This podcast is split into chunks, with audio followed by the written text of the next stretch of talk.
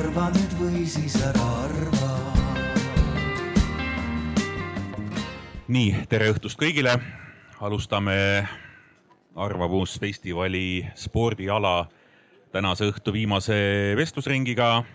mille pealkirjaks on Anname hoovid lastele tagasi. see on Eesti Olümpiakomitee poolt ma ei saa öelda korraldatud, aga idee on tulnud nende poolt rääkida täna just sellel teemal, arutada. me leppisime omavahel kokku, et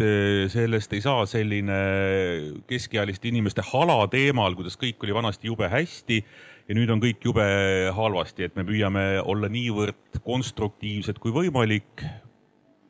selle teema juures, kui üldse on võimalik emotsioone vältida ja ma loodan, et ei ole võimalik vältida, sest emotsioon, emotsioonid on alati väga toredad asjad. Ja, ja ma alustaksin kõigepealt tutvustusringiga, kus kõlab nimi ja natukene tausta ka. et mina olen Tarmo, mina olen ERR-i spordiajakirjanik. olen viiskümmend kaks aastat vana ja lapsena käisin võrkpallitrennis ma ei olnud väga hoovilaps, ehk siis ma elasin alguses Mustamäel ja siis Õismäel, mis tähendab, et ma sellest hoovispordist mitte, et ei tea midagi, aga see ei olnud minu osa, ma käisin Tõnismäel Kalevi võimlas võrkpalli mängimas. nii, jätkab Janne, kes siis on endine Eesti korvpallikoondislane, treener ja nüüd on siis kehalise õpetaja et, et milline oli sinu lapsepõlv, tänu millele sai sinust see, kes sa oled ja mis oli noh, ütleme siis see hirmus sõna taristu, tänu millele see kõik algas? tere ka minu poolt. mina lisaksin kohe, et minu sport hakkas küll kooli hoovis, sest ma elasin kooli kõrval ja, ja minu vanemad käskisid kogu aeg õues olla, et, et ma pidin hästi ruttu ära sööma ja minema uuesti õue ja ja õuest ma omandasin kohe ka oma esimese võõrkeele, vene keele, sest ma olen Kopli ja Pelgu linna piiri pealt, et sealt ja, ja soovitavalt pidin ma minema sinna võimalikult sinna Stromka ranna äärde sporti tegema. ja siis äh, hoovispordist, kus sai siis erinevaid spordialasid tehtud ja tutvutud erinevate rahvustega, siis, siis äh, tagasihoidlik nagu ma olin, siis äh, treener korjas mul lihtsalt koolide vahelised võistlused üles. enne seda ma olin proovinud igast erinevaid spordialasid, nii ujuda, joosta, mul oli väga hea kehalise kasvatuse õpetaja Tallinna kaheksandas keskkoolis, kes pani mind igale võistlusele. Ja ma mäletan praegu hetke, kuidas seal Balti jaamas see park, mis on, meil oli võistlus seal ja, ja, ja ja ma olin jõudmas finišisse, aga seal olid need äh, igasugused kurvid ja siis üks vene tüdruk lihtsalt künanukiga lükkas ja see oli esimene selline kogemus, et selge, et äh, päris nii ei ole, et ma lähen ja jooksen lihtsalt sellepärast, et ma olen tubli jooksja, vaid seal tuleb enda eest seista ka. aga eks saab rohkem edaspidi rääkida, et ma annaks sõnajärve üle, et minu, minul on hoovisport väga korda läinud. nii, Kristjan, sina oled hakkame siis sealtpeale endine Eesti noortekoondislane murdmaasuusatamises, olid ju, eks ole? jaa. nii, ja siis sa oled suusatamisega veel mõnevõrra pärastpoole kokku puutunud ja nüüd oled sa siis kinnisvaraarendaja. et milline oli sinu lapsepõlv, tänu millele said sa selliseks? ma jah, ise tegin noorest peast sporti ja pärast juhtisin sporditiimi Äh, täna e-, ehitades elurajoone, äh, teen spordiväljakuid. Äh, ja lisaks on mul kaks last kodus, kes tegelevad iga päev aktiivselt kõvasti spordiga. et sport on mulle nagu väga, väga hingelähedane. aga see lapsepõlvekeskkond, et, et mis sind mõjutasid ja miks ei saanud sinust näiteks äh, näitleja või eh, kunstnik või autoparandaja? ma arvan, et kõik need elukutsed on väga, väga ägedad. ei, ma ei kahtlegi selles aga..., et, et kuidas sina selle laksu said, et, et sport on äge? ma arvan, et kõik need, kes on sporti proovinud, need nagu saavad aru, et see on tegelikult niisugune, niisugune pisik ja niisugune pakub mingisuguse sellise emotsiooni, mida võib-olla sõnadesse on laht, raske panna, et äh, kus kandi poiss sa üldse oled? Tallinnast. Tallinnast ja su kant oli? ma isegi olin alust kuskil all, alustuses Pelgu linnas või rannas ja käisin pärast Nõmmel trennis mm. -hmm. nii et, nii et selles mõttes spordirajatis oli sul noh, nagu kättesaadav kohe? ja, sõitsin bussiga nelikümmend viis minutit ja siis sain kätte. noh, see oli jumala okei okay ju sõita, okay. Lab, labakud suuskade otsas niimoodi. just, oleme sõitnud. nii Vallo Reima, sina oled Tartu Tamme kooli direktor. ma ausalt öeldes ei tea sinu sportlikest kordaminekutest väga palju ja lapsepõlvest ka, räägi palun. see lapsepõlv on äh, Harju, Harju Koselt ja ega praegu ei teatagi, et äh, nõukogude ajal oli seal ka tennisekeskus, nii et mina alustasin tennisemänguga algklassides ja ja vot see esimene Eesti nägemine tuli just läbi tennise, sai kõik Eesti linnad, kus vähegi oli tennisestaadioni, sai tookord läbi sõidetud ja siis korjas treener kergejõustikusse ja no üks Eesti õpe ja, ja pronks noorteklassis jäi ka sinna, aga, aga võib-olla see tiimiteema ja baasid on meil tähtsad, et noh, kümneolümpiaste algusajad olid ja siis ma räägin ühe loo, mis Anu Sääritsale väga meeldis, et et siis ju hallid alles esimesed tekkisid ja, aga kümme olümpiastarti on ju ka talvehooajal, siis algas nii, et Kosele tuli etapp, treener jagas lumelabidad kätte, lükkasime staadionilt lume ära ja läksime jooksma. et et ega tegelikult ei ole piire, et kui sa tahad teha, on, on mõnus olla, sind huvitab, siis saab ikka tehtud. aga praegu ma tegelen selles mõttes ka, ka baasidega, et, et olen seotud äh, omavalitsuse juhtimisega, kooli juhtimisega, kogukonna juhtimisega, et just selline tegus sportlik äh, kogukond on üks ideaal ja, ja, ja ka planeerimisega olen seotud olnud, et kuidas linnaruumi planeerida, nii et, et püüan nüüd seda aidata järgmise põlvkonna poole pealt Anette Viin, sina oled Eesti Õpilasesinduste Liidu juhatuse esimees ja, ja selles eh, keskeali-, esinaine ja selles keskealiste inimeste paneelis oled sina oma generatsiooni eestkõneleja. nii, üks nelja vastu. hakkame siis sellest peale, et eh, sinu taust ja, seoses spordiga äh,? mina ise tegelikult tulin sellisest äh, või olen pärit sellisest võrdlemisi väiksest maakohast, ehk siis minu kodu oli küll keset põldu ja metsi, siis minul nagu sellist võib-olla hoovi, kus kambaga käia mängimas, sporti tegemas ei olnud. küll aga äh, kuna ma tulen Raplamaalt sellisest väiksest põhikoolist nagu Valtu põhikool, oli mul seal kõrval olemas ujula ehk siis eh, lisaks muudele spordialadele olin ma väga kõva ujuja põhikoolis ning seal kõrval tegelikult tantsisin kümme aastat rahvatantsu. vot see on väga hea. ja, ja olin ka mingil hetkel iluvõimleja ja Tallinnasse kooli kolides jäid need alad kuidagi selliseks eh, hobi korras ujumas käimiseks ja nii edasi küll aga jäi kuidagi see spordipisik ikkagi külge selles mõttes, et äh, nüüd mõnda aega tagasi ma olin tegelikult Rapla korvpallikooli videograaf. ehk siis kuidagi ma sattusin ikka kodukohta tagasi sinna spordi juurde. Äh, ma jälle toon mingi paralleeli äh, sellest meie kujunemise ajast ja, ja ma väidan, et toona spordi tegemiseks koha leidmine ei olnud probleem, ehk siis maa ja platsid kõik kuulusid riigile, koolistaadionid olid lahtised, aeda seal ei olnud. põhimõtteliselt, kui sul oli tahtmine, sa võisid kuhugi minna, ajada taga mingit palli, pidada kivisõda, midagi teha, peitust mängida. see võimalus oli olemas. et teie meelest, hakkame Kristjanist peale, kui lihtne tänapäeval on leida sellist eh, õuespordipaika, kus sa saad midagi teha, kus sa lähed lihtsalt kohale ja teedki midagi jah, ma mõtlesin sellele teemale ka siia sõites, et ja kõndisin siin, jõudes mitmed tundi tagasi, kõndisin ka ringi siin ja, ja ainuke, mis ma nagu silmasin, oli laste, väikeste laste mänguväljak. et äh, minu arust äh, siis ma hakkasin mõtlema, et äh, nagu hoovid ja, ja, ja spordiväljak ja nii edasi, et, et äh, see niimoodi, kuidas öelda siis, kui meie väiksed olime siis äh, Vene ajast olid äh, jäänud erinevad, ma ei tea, korvpalli või jalgpalli või mingid muud spordiväljakud. siis, äh, siis nad mädanesid ära. täna neid ei ole.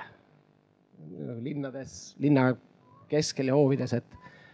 et, et ma saan aru, Eesti riik oli vaene siis. aga täna ta on nagu jõukam, et oleks nagu mingi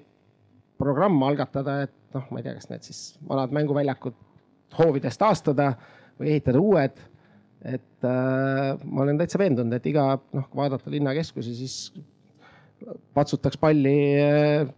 igas hoovis keegi, et äh, kinnisvaraarendajad on näe täis ehitanud. ja kinnisvaraarendajate poole pealt on selles mõttes iga suurem arendus, kus noh, sa mingit ala hakkad planeerima, siis noh, meie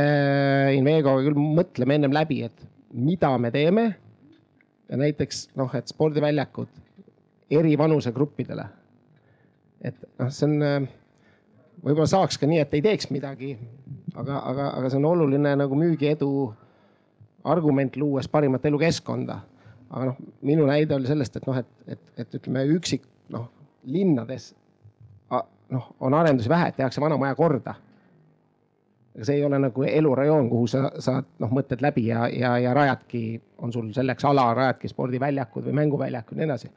et, et noh, olemasolevate hoolvõite kordategemine peaks kuidagi teistmoodi käima, küll, küll kindlasti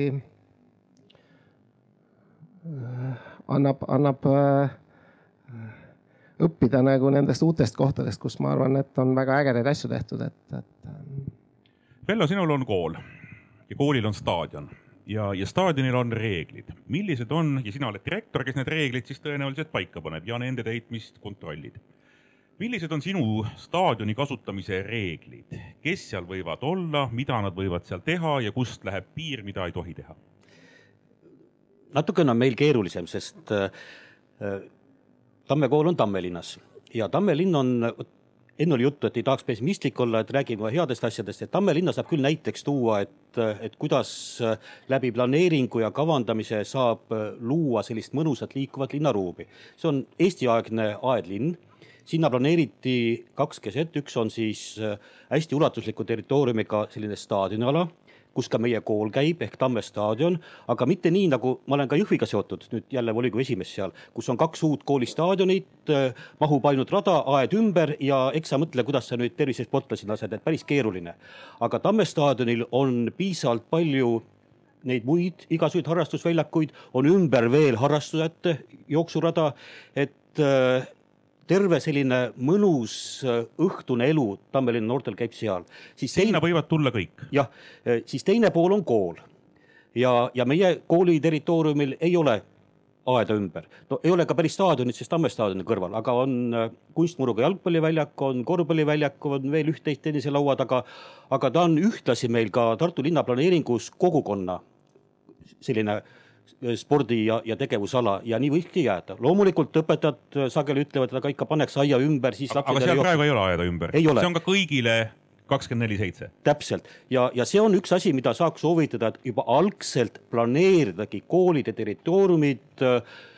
kooli ja kogukonna ühisaladeks ja sellepärast ma rõhutangi, et kõik algab planeerimisest. kas ka siis, kui kinnisvara arendajad tulevad peale, siis enne peaks olema kohaliku omavalitsuse planeerimismõte juba läbi käinud. et äh, mismoodi saaks sellist avalikku ruumi ja, ja kuna mul on veel üks funktsioon, ma olen ka Tammelinna seltsi nagu juhtkonnas ja, ja äh, et see vahva kogukond nagu ennast äh, arendaks ja hästi tunneks, siis läbi selle linnaosa planeeringu on juba loodud selline keskkond, et et, et kõik liiguvadki. see on selline enam-vähem hoomatav ala, kus on mõnusalt võimalik rattaga koolis käia. meie kooli esimene on see, mis alati lööb kõigil nagu, nagu sellise ahaa, et üks lõputu rataste rivi alati ja ja, ja kõik on liikvel, et me oleme ka liikuva kooli programmis ja siin peab küll ühte ütlema, et ei maksa ka nüüd alati minna numbrite maagiasse, et ka, ka Tartu Ülikool, et noh, et kool peab saama, meil olid kõik mõõtjad küljes alguses seal, et tulemused sada protsenti näitab liikumist aga see tähendab seda, kui sada protsenti koolis on sul liikumine, siis sa lähed koju ja sa tardud et tegelikult eesmärk on koolis see, et sa kasvatad ju liikuma harjuvat õpilast ja, ja siis see liikumisprotsendid tulevad sul pärast kooli. et aga, aga mulle tundub, et, et kui nüüd on ühine selline avatud kogukonnaruum, kus on loodud ka keskkond nii, et et ei ole distansid pikad, et sa pead autoga liikuma ja, ja tõesti see elu käib ratastel noortel ja on, on kõik äh, ühistegevusteks äh, nagu tingimused loodud, siis, äh, siis kõik toimib. sellisest targast, targast planeerivast mõtlemisest ja, ja, ja suutlikkusest olla avatud et ka minul on probleeme, et ikkagi noh, paneme aia ümber, siis laps ei lähe sinna eemale poodi ja. oota, aga ja. miks see, miks see aed sageli selleks põhjenduseks tuuakse, kas see on see selleks, et laps ei läheks ära või mingisugune pokimees ei tuleks sisse või, või milleks see aed? mõlemad, Tammelinn on väga hea näide, et kuna me oleme ikkagi aedlinn, aga noh, Tartus on ka Annelinn, eks ju. et kui nüüd läbi selle territooriumi käib tohutu elanike vool, et siis on palju keerulisem, meil on natuke, käiakse ka läbi, aga natuke lihtsam, eks ju. kuna nüüd on ka õuesõpet ja palava ilmaga, et paljud on, kui siis mingi rahvavool tuleb sul läbi tunnis ja lõpetaja ja laste vahetleb läbi, et et kõik pole nii lihtne nagu meil, aga ma arvan, et kui me mõtleme ruumi läbi ja, ja natuke ka suuname voogusid, et, et on ka, ka sellistes korrusmaade rajoonides kõik võimalik, et aga kui juba enne see läbi mõtelda, kui hakkad korrusmaade rajooni planeerima, noh siis oleks veel lihtsam Anette, sina oled see generatsioon, kes siis ei liigu, üldse ei liigu meie okay. meelest, sest meie ju tohutult liikusime mm. -hmm. et eh, mis teil selle, ütleme, generatsiooni sees see nägemus sellest meie halast on, et äh, kas te tegelikult liigute, lihtsalt me ei tea seda või kuidas teie seda näete ja kus Oi. te liigute? äh,? ei, ma arvan, et meie generatsioon liigub küll äh,. mina. aga need noored, eks ole, need ei liigu. ja, ja, ja need noored, ei tegelikult mina olen käinud nüüd Tallinnas õppinud kahes gümnaasiumis, üks oli Tallinna kolmekümne teine keskkool, kus töötas omaette spordiaktiiv grupp noori, kes korraldas üritusi, liikuma kutsuvaid vahetunde, kõiki selliseid asju, et tegelikult ärkas ka nendel noortel, kes võib-olla noh, hommikul venivad kooli kohale, istuvad maha, ei taha midagi kuulda, et ka tegelikult need tuleksid nagu kasvõi koridori peal ka kulli mängima. et äh, reaalselt noored liiguksid ja teine, kus ma käisin, oli Audentese, Audentese gümnaasium siis, kus tegelikult ma väga paljusid enda klassikaaslased ei näinudki, sellepärast et nad olid kogu aeg ära kuskil spordilaagrites.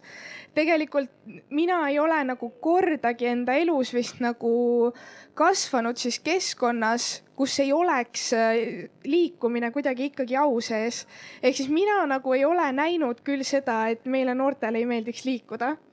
Siim Suklas, miks me seda paneeli teeme üldse, kõik on jube hästi Üht, ma pole ühtegi probleemi veel siiamaani kuulnud. Kristjaniga kokku, et ala on nii palju, oleme positiivsed. jaa. Janne, kõikidele väljakutele ju kõik asjad ei, ei mahu. sina oled kehalise õpetajana töötanud, mis asjad või, või millest sinu meelest tuleks alustada, kui panna kokku ühte sellist spordi tegemise ala, kas siis kooli juures või mingisuguse külaseltsi väljakul või mis see basic on? kuulates siin eelkõnelejat, siis neid mõtteid tulid seinast seina ja, ja läbiv teema on ikkagist inimene. inimene, kes kes, kes on olemas nende samade noorte jaoks. vahet ei ole, on see muruväljak, on see asfaltväljak või, või, või piisab ühest pallist, ei ole vaja palli, on see inimene, kes seal peab olema ja need äh, lapsed tahavad sinna tulla, tulla, et neil oleks organiseeritud tegevus, et ei pea olema neid äh, väravaid, aedu igast, äh, nii et on nüüd moodsad väljakud, kus pannakse aed ümber ja siis sa saad viite erinevat spordiala teha ma just eile jalutasin äh, mööda ja vaatasin siis neid hoove. üks selline hoov oli täiesti tühi ja siis ma sõitsin edasi, kus oli neli posti lagunenud äh, äh need aiad, see, see väljak oli lapsi täis. ehk siis inimene, kes neid lapsi koondab ja kindlasti sõpruskond. olgem ausad, et äh, ma sinuga võib-olla ei tahaks minna jalkat mängima, aga nendel on vaja kogu aeg teha. ja, ja, ja need kehalise õpetajad ikkagist ja, ja võib-olla mõni lapsevanem või kogukonna juht on see, kes lihtsalt äh, tal on selline hea omadus koondada neid inimesi ja nii et ei ole vaja mitte midagi suurt on vaja natukene tahtmist ja, ja seda, seda suunda ja, ja siis hakkab asju juhtuma ja siis tõesti noored hakkavad siukseid asju tegema, et, et on rõõm nendega koos olla. jah, Kristjan. ma, ma, ma tahaks siiski öelda, et ei saa olla kunagi liiga vähe või liiga palju, oleks õigem öelda neid äh, spordiväljakuid või mänguväljakuid või neid võimalusi. mida rohkem neid on, seda suuremad võimalused me noortele ja lastele nagu tekitame, et, et, et neil oleks kuhu minna, et et noh, need näited, et on jah kuskil aktivist ja et ja väiksemad lapsed leiavad jah nagu oma äh, tagahoovi on ju aga siis tulevad, ma ei tea, kolmeteistaastased, viieteistaastased, kes istuvad kodus telefonis, et et ma arvan küll, et igas hoovis võiks olla mänguväljak ja, ja ma tahaks öelda, et minu arust, kõik kodanike ja maksumaksja raha eest ehitatud või hooldatud spordiväljakud, spordirajatised peaks olema kakskümmend neli, seitse tundi avatud. et äh, ükski staadion ei tohiks olla suletud igal ajal kõigile kui sina saad endale mingisuguse maalapi, kuhu sa hakkad arendama, siis näiteks kortermaja või kortermaju, siis sa sinna kindlasti mõtled mingisuguse noh, nagu tegevuse ka, sest sa ju müüd seda kõike sellise nunnu pildiga, et ema-isa ja siis niisugune kuueaastane on käe kõrval ja kõik on nagu idüll, eks ole. Et, et kuidas see sinu mõttemaailm on, et ma nüüd nii mitu ruutmeetrit jätan ikkagi mingisuguseks ronimisseinaks või mingisuguseks diskgolfi selleks korvikeseks, eh, selle võrra ehitan ma sinna vähem ruutmeetreid maju, aga selle võrra näiteks oma maja ruutmeetri hind võiks olla jälle kõrgem, et ja, ja, ja mis on need noh, nii-öelda elemendid, mida sina oma arendusrajooni ennekõike tahad välja käia puht ka sellepärast, et see võib olla majanduslikult sulle kasulik.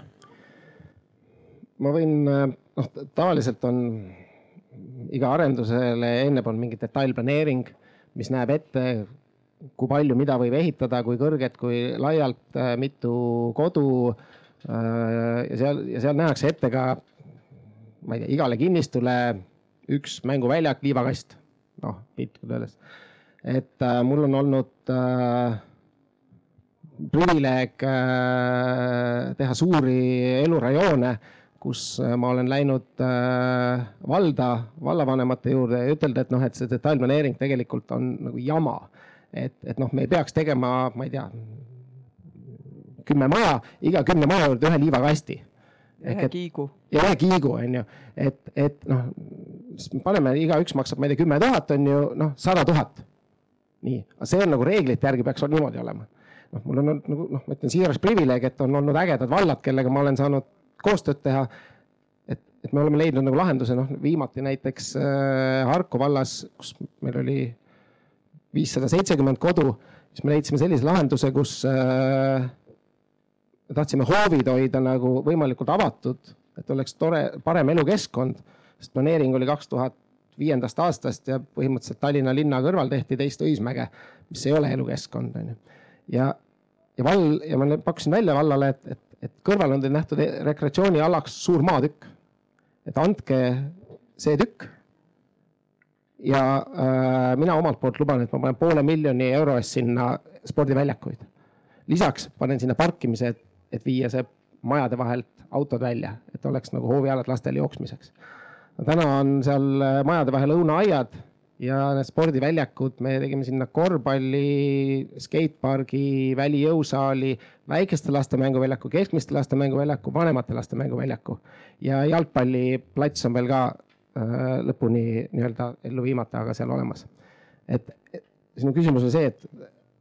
et, et mõtleme läbi, et oleks kõikidele vanusegruppidele midagi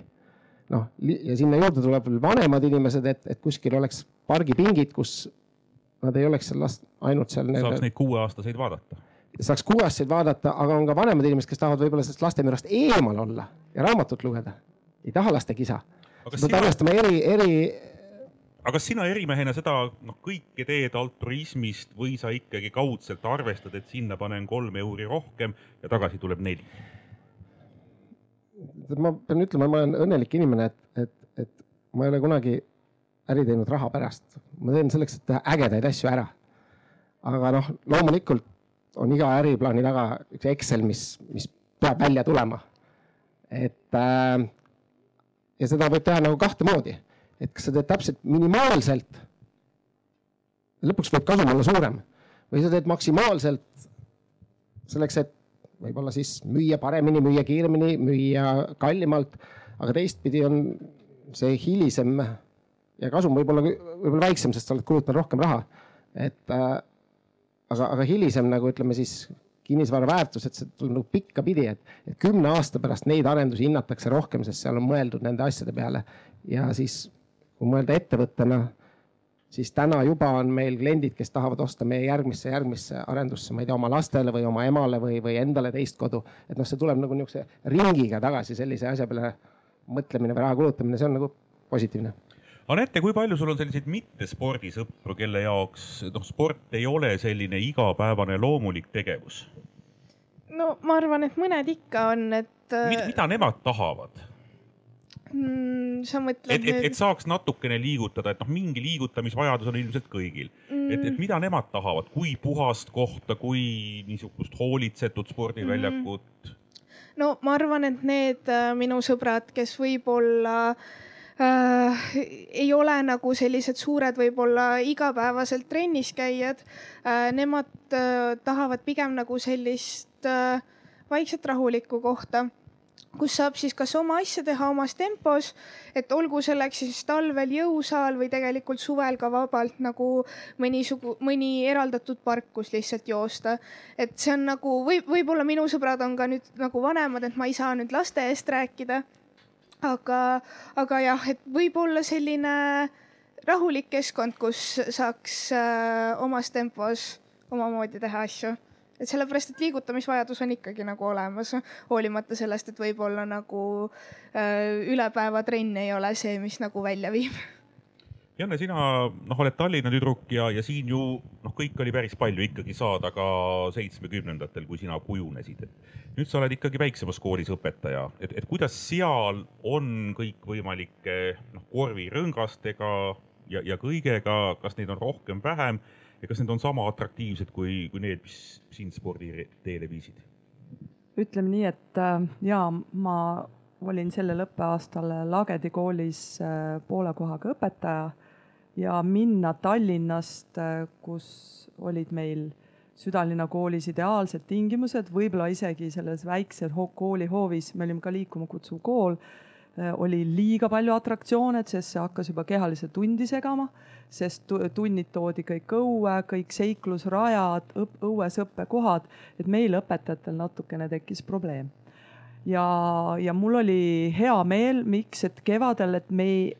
et äh, süsteem on hoopis teine kui, kui Tallinnas on direktor otsustab, kui palju ta paneb äh, spordirea peale äh, seda summat ja mis vahendeid ta ostab ja, ja kui hästi sa suudad ära põhjendada, siis eh, Rae vallas natukene teistmoodi, et ta on ikkagist Rae vallal ja ta on nagu spordikeskus, mis oli minu jaoks üllatus, et ma pidin mitte direktorile ütlema, et me sooviks nüüd saada omale sõudeergomeetrit, me sooviks eh, saada staadionile rohkem neid nagu öeldakse, spordivahendeid, siis ma sooviks ikkagist, et see skatepardi osa, kus oli üks teine korv, et saaks selle korvi kuidagi tagasi ja selle jalgpalliväljaku kuidagi, et siis ma pidin pöörduma sinna ja aga võib-olla õigel ajal, sellepärast et järgmine aasta hakatakse ehitama siis meie kooli staadionile siis kogu Lagedi rahvale siis spordikeskust. Ja ma olen nii tänulik, sest ma helistasin, küsisin, et kas me võime õpetajatega kaasa rääkida selles, et mis seal peaks olema. sest äh, tulles linnas ja vaadates natuke, et siis, siis äh, kogu valla rahvas tegelikult samamoodi käib, äh, kui mul on tunnid, tulevad sinna lastega, kasutavad sama atraktsioone. jah, mul on hea kõva hääl ja ma suudan kuidagi mingit korda seal luua, et ma saaks oma tunni läbi viia, aga nad kaasasid meid sellesse diskussioon ja, ja ma usun, et äh, meil tuleb igavesti äge spordikeskus sinna, kust tulevad siis kõik need uued võimalused, mida Kristjan ennem äh, välja tõi, et äh, ja ma tahakski öelda, et muidugi, et me tahame, et kõik meie lapsed, et minu viiepoolene, et ta läheks kooli, et nad saaksid proovida ära purjetamist talvel, mitte ainult, et me sunnime neid jälle nende suuskadega sõitma bussis, siis meie ju ometi seda tegime, aga me teeme ise seda nende eest, eks. ja uisutama ja kõik neid äh, ägedaid asju tegema, et võib-olla proovida ka hoopis mingit äh, jää peal, mingeid hoopis teisi asju nende, millega nad kõik sõidavad seal, eks. me tahamegi võimaldada neid kõik ja meie uus kehalise süsteem liigubki sinnapoole natukene, et aga ma läheks ikkagist edasi, hakkaks veel rohkem hullu panema, et kui on ikka võimalusi, siis, siis ja kooli juhtkond on sellega nõus, siis eh, üldse tunnid panna teistmoodi käima ja proovidagi kõik need hullud uh, uued uh, hobid ja alad läbi, sest sest mine tea, kus see tippsportlane meil istub, eks. nii, aga õnneks on meil üks koolijuht siin, et vaatame tema otsa, et kuhu maani sina oled nõus minema kõikvõimaliku ütleme siis füüsilise tegevuse infraga, sest see, mis sealt tuleb, ei ole ju kuidagi mõõdetav, küll aga on mõõdetav matemaatika riigieksamite tulemused, mille järgi siis hinnatakse, kas sul on hea kool ja kas ka sina oled head tööd teinud ja sa pead leidma nüüd balansi, et, et siis kuidas sellega on noh, kuna meil ei ole neid rahalisi võimalusi nii palju, siis äh, kõik algab ikkagi inimesest ja, ja suhtumisest. et kui sa läksid nüüd matemaatika juurde, siis äh, noh, Tartu laskesport suuresti on nagu meie keldris, kus jõusaali taga on tehtud selline väike mõnus äh, õhkrelvade tiir ja, ja kui äsja nüüd oli Eesti koondis Põhjamaade meistrivõistlustel, siis kahekümneses koondises kaks olid meie keldritiiru kasvandikud, et äge tegija Äh, projektidega raha ja, ja võimalik, aga mina toetan ka sellepärast, et see harjutab keskendumist. Matemaatikaeksam, matemaatika ülesanne õnnestub hästi siis, kui sa suudad raske ülesande jaoks keskenduda, see käib ka teiste alade kohta. et väga lihtne on seost, seost luua. aga nüüd, kui minna nüüd selle julgusega edasi, siis äh, ronimissei number üks, selline tõeline suur ja korralik on, on meie koolis praegugi alles ja liikuva kooli kohe alguses, kui see oli ideede korje, mida me võtame, korjasime selle kohe ülesse, ka julgused, kas me paneme, äkki kukub alla, kui matid pannud kõra, põrandale, et noh, siis ei ole kõndimisruumi, panime üles, reklaami üldse ei teinud järgmisel päeval telefonikõned, teised direktorid, kus sa said, palju maksid, oli buum lahti läinud. Ja ei olnud enam tervisekaitsel midagi vaja karta, sest üle Eesti oli buum, nüüd ehitatakse sisse nad kõik, eks ju. Ja, ja ma arvan, et seesama julgus, ühte asja nüüd soovitaks veel, et kuna meil on kliimaga nii, nagu ta on, et kipub sadama ja planeerid spordipäevi, siis äh, üks vahvam asi, mis üldse olemas on, on sisespordipäev kus siis äh, kool on jagatud tegevuspaikadeks, klassid liiguvad oma marsruute, kuna noh, meil on tõesti hästi vedanud õpetajatega erialade sellised vägevad tegijad, äh, siis ühe korruse peal on siis sellised sõudeergomeetrid, kuskil midagi muud ja, ja see on tõeliselt äge, kui noh, me oleme küll liikuva kool, eks ju, aga kui spordipäev on sees, kogu kool liigub, sellised äh, marsruudid, see on, see on tõeliselt äge. ja, ja noh, seda ma julgen küll soovitada, et julgust on vaja. Ja, ja see on nüüd järgmine asi, et, et me rääkisime nagu kooli ütleme hooviruumist ja õueruumist, siis eh, ei maksa nüüd uksega nii väga eraldada, praegu ma räägingi sellest, et eh, need kaks eh, saab kokku viia. Või kui siin vahepeal tuli suur rahvastepalli ründamise, oi, see on nii hirmus ja lapsed sandid ja siis helistati ka meie kooli, kuna noh, kogu aeg medalid tulevad rahvastepallist, et, et kuidas te piinate lapsi. Ja siis öö, õpetaja vastas, et ei olegi vahetunnis anname palli kätte ja, ja, ja ongi kõik ja, ja medal juba tuleb, sest nad tahavad, et kõik algab sellest, et kui sa oled loonud sellise keskkonna, kus, kus lapsed saavad vabalt liikuda, siis tekib tahtmine ja siis anna ainult pall kätte. Anette, ma enne kui küsin sult küsimuse, kolm lauset sellist vanainimese juttu ka, et eh, kui mina olin noor, siis ma ei mäleta, et eh, ühelgi välikorvirõngal oleks olnud võrk või et jalgpalli väraval oleks olnud võrk. Ja noh, pesta väga sageli kuskil ei saanud ja, ja kõik see oli selline noh, siin generatsioon noogutab kaasa, oligi selline. Ja see oli jumala okei. Okay. me ei teadnud paremat tahtagi, et kui palju praegu sinu generatsioon ja sinu vanused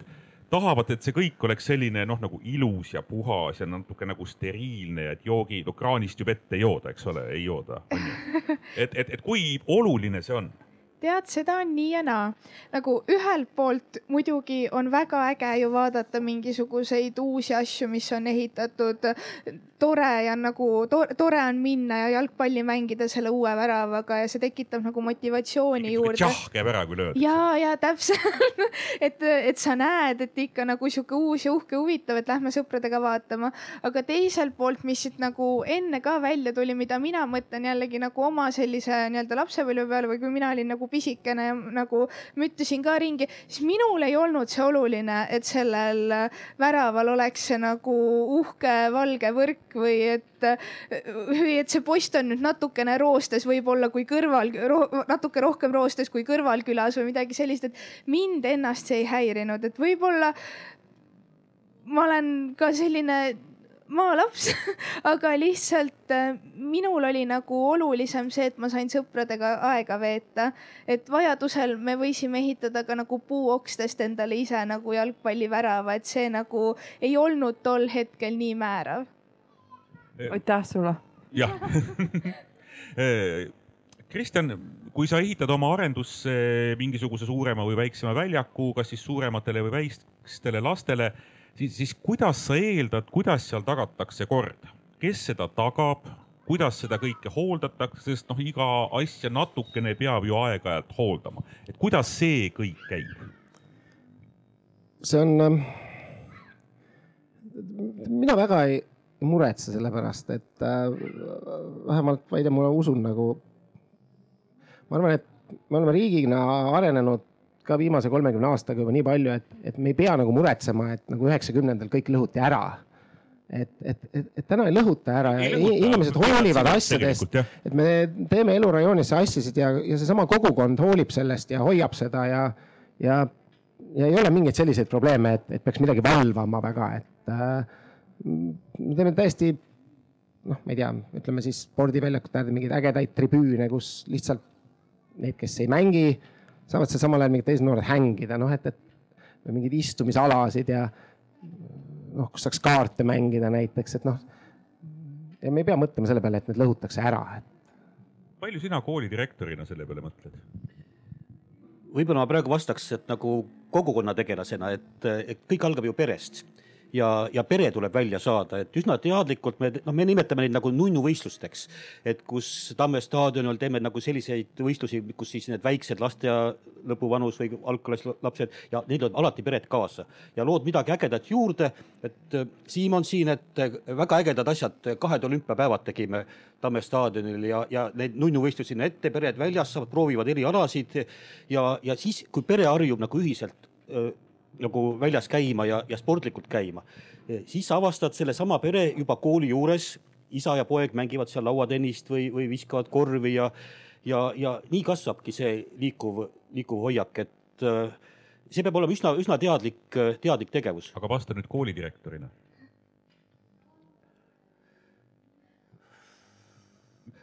mis see remont, remondiarve on, see, see rida seal, mida võib kasutada, millest, millest tuleb need kõik korda teha? vaata Tartus on nii, et tegelikult linn ju määrab eelarve, et need on nüüd need asjad, kus sa linnaga vaidled, et äh, direktori pool on nüüd, kui sa spordivahendeid ja, ja neid, neid äh, muretsed, aga linnaga me peame läbirääkimisi selleks, et äh, nüüd see kooli territoorium, ega ta meil liiga suur ei ole aga et nüüd ikkagi terviklikult läbi planeerida ja, ja arendada selliseks kompleksseks kogukonna ja, ja koolikeskuseks sügisel meil on juba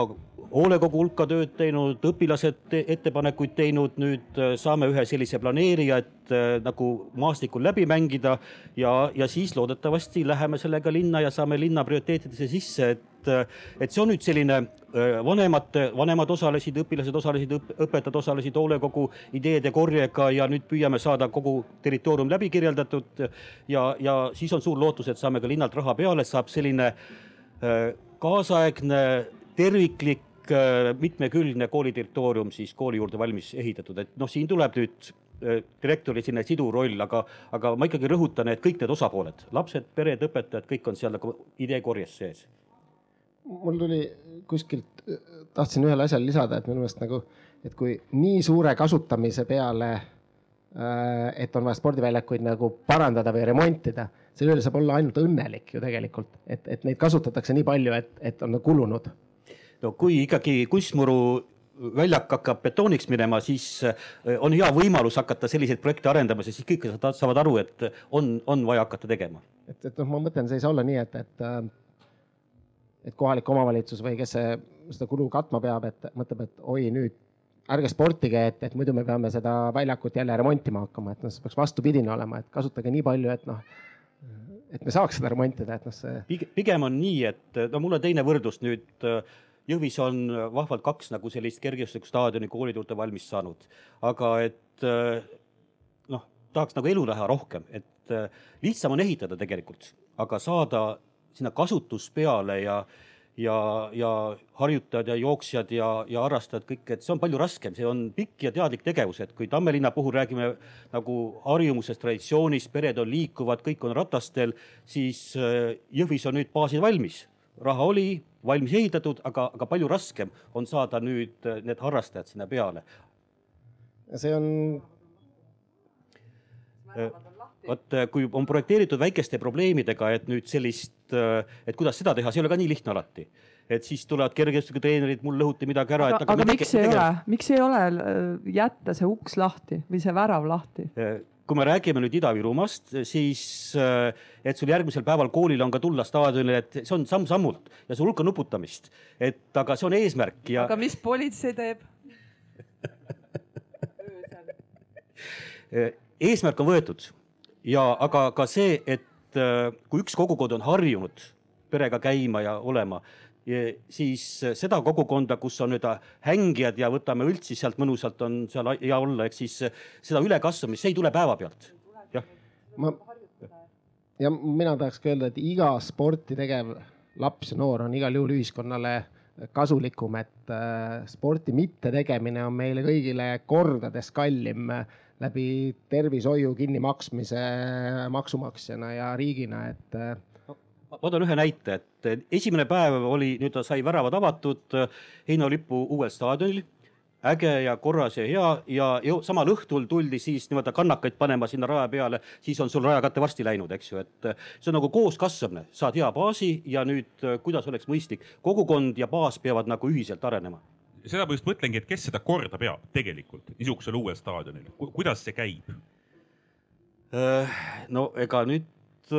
kaamerad peale, siis äh, korrad loodud, ka needsamad äh, treenerid, kes seal käivad ja et äh, ütleme, niikaua kui on treener oma rühmadega peal, kõik harrastajad saavad käia ja ka kui ta ööseks kinni ei pane, siis on öösel seal needsamad, kes lähevad sinna kiirusharjutusi tegema ja, ja muid, et aga see on koos kasvamine. vahepeal tervitame vabariigi presidenti. Tervist. aga ma julgen ütelda, et meil on juba head edusammud, sest et Äh, see on ka eeldus, et ka järgmisel aastal saab seal ägedaid võistlusi, võistlusi teha, et aga, aga kõige, kõige esimene asi on võtta eesmärk, et lihtsam on panna tabalukk hetke, kõrge aed ja ongi kõik. aga et, äh, et see on ühiskasutuses ja et seda ei rikuta ära, et see, see on raskem, aga see on võimalik aga tahta tuleb. see on jälle see ettemõtlemine, et äh, kui sinna piirkonda selline saal tehakse, siis tuleb lihtsalt ette mõelda, see on ju teada, mis tegevus seal toimub. Ja see remondiraha number peab olema kolme aasta kõige kõrgem esimesel aastal, sest harjumusi ju muudadki nii, et äh, kui politsei ei tule, siis seesama kogukond siis hakkab äh, ka toimetama ja, ja, ja siis tuleb vahetada ja remontida nii kaua. aga kui jätta lukku ja mitte midagi teha ja siis on pigem vastupidine efekt, okei okay,, seal saab teha aga kui kogu aeg on korda tehtud, siis ka tekib sellel inimesel harjumus, et no hea küll, ma proovisin, aga ma ei saa. et ma lähen siis otsin mõne, loodetavasti mitte uue spordiväljaku või mingi muu koha, et, et harjumus on see, mis, mis peab saama seal, see hea harjumus, võimalus ikkagi sportida. ma olen koolivõimlate kohta aeg-ajalt kuulnud seda, et noh, kooli omad õpilased ei saa aegu, sest saalid on õhtuti välja üüritud, seal on, Janne teeb meil trenni seal ja, ja teised teevad trenni, et, et õpilastel ei ole, et kas väli staadionid on üldiselt kogu aeg saadavad või nende peale on ka juba võitlused, saab küll, aga alates kella üheksast? no Tamme staadion on selline ideaalnäide, kus on ümber staadioni on palju erinevaid tegevuspaiku, alates väikelastele igas turnimises oled perega väljas, harjudki olema staadionil Äh, erinevate pallimängude alad, siis harrastusjooksualad, et sa saad seal mõnusalt tegeleda, sa ei pea minema kohe sinna trennide vahele raja peale. et ma loen seda ideaalkompleksi, kui ühe halli ka sinna juurde saaks. enamikel on nagu see häda, et staadion koosnebki ainult nüüd sellest võistlusrajast ja kui harrastaja tuleb, siis ta tuleb tegelikult juba trennide vahele, et tegelikult peaks juba planeerimise mõtlema komplekssemalt, ala suurem, muid tegevusi juurde, et ta ongi kogu pere selline sportliku tegevuse äh, piirkond ja sa harjud väiksest peale, lasteaialapsest peale, pere harjub seal käima ja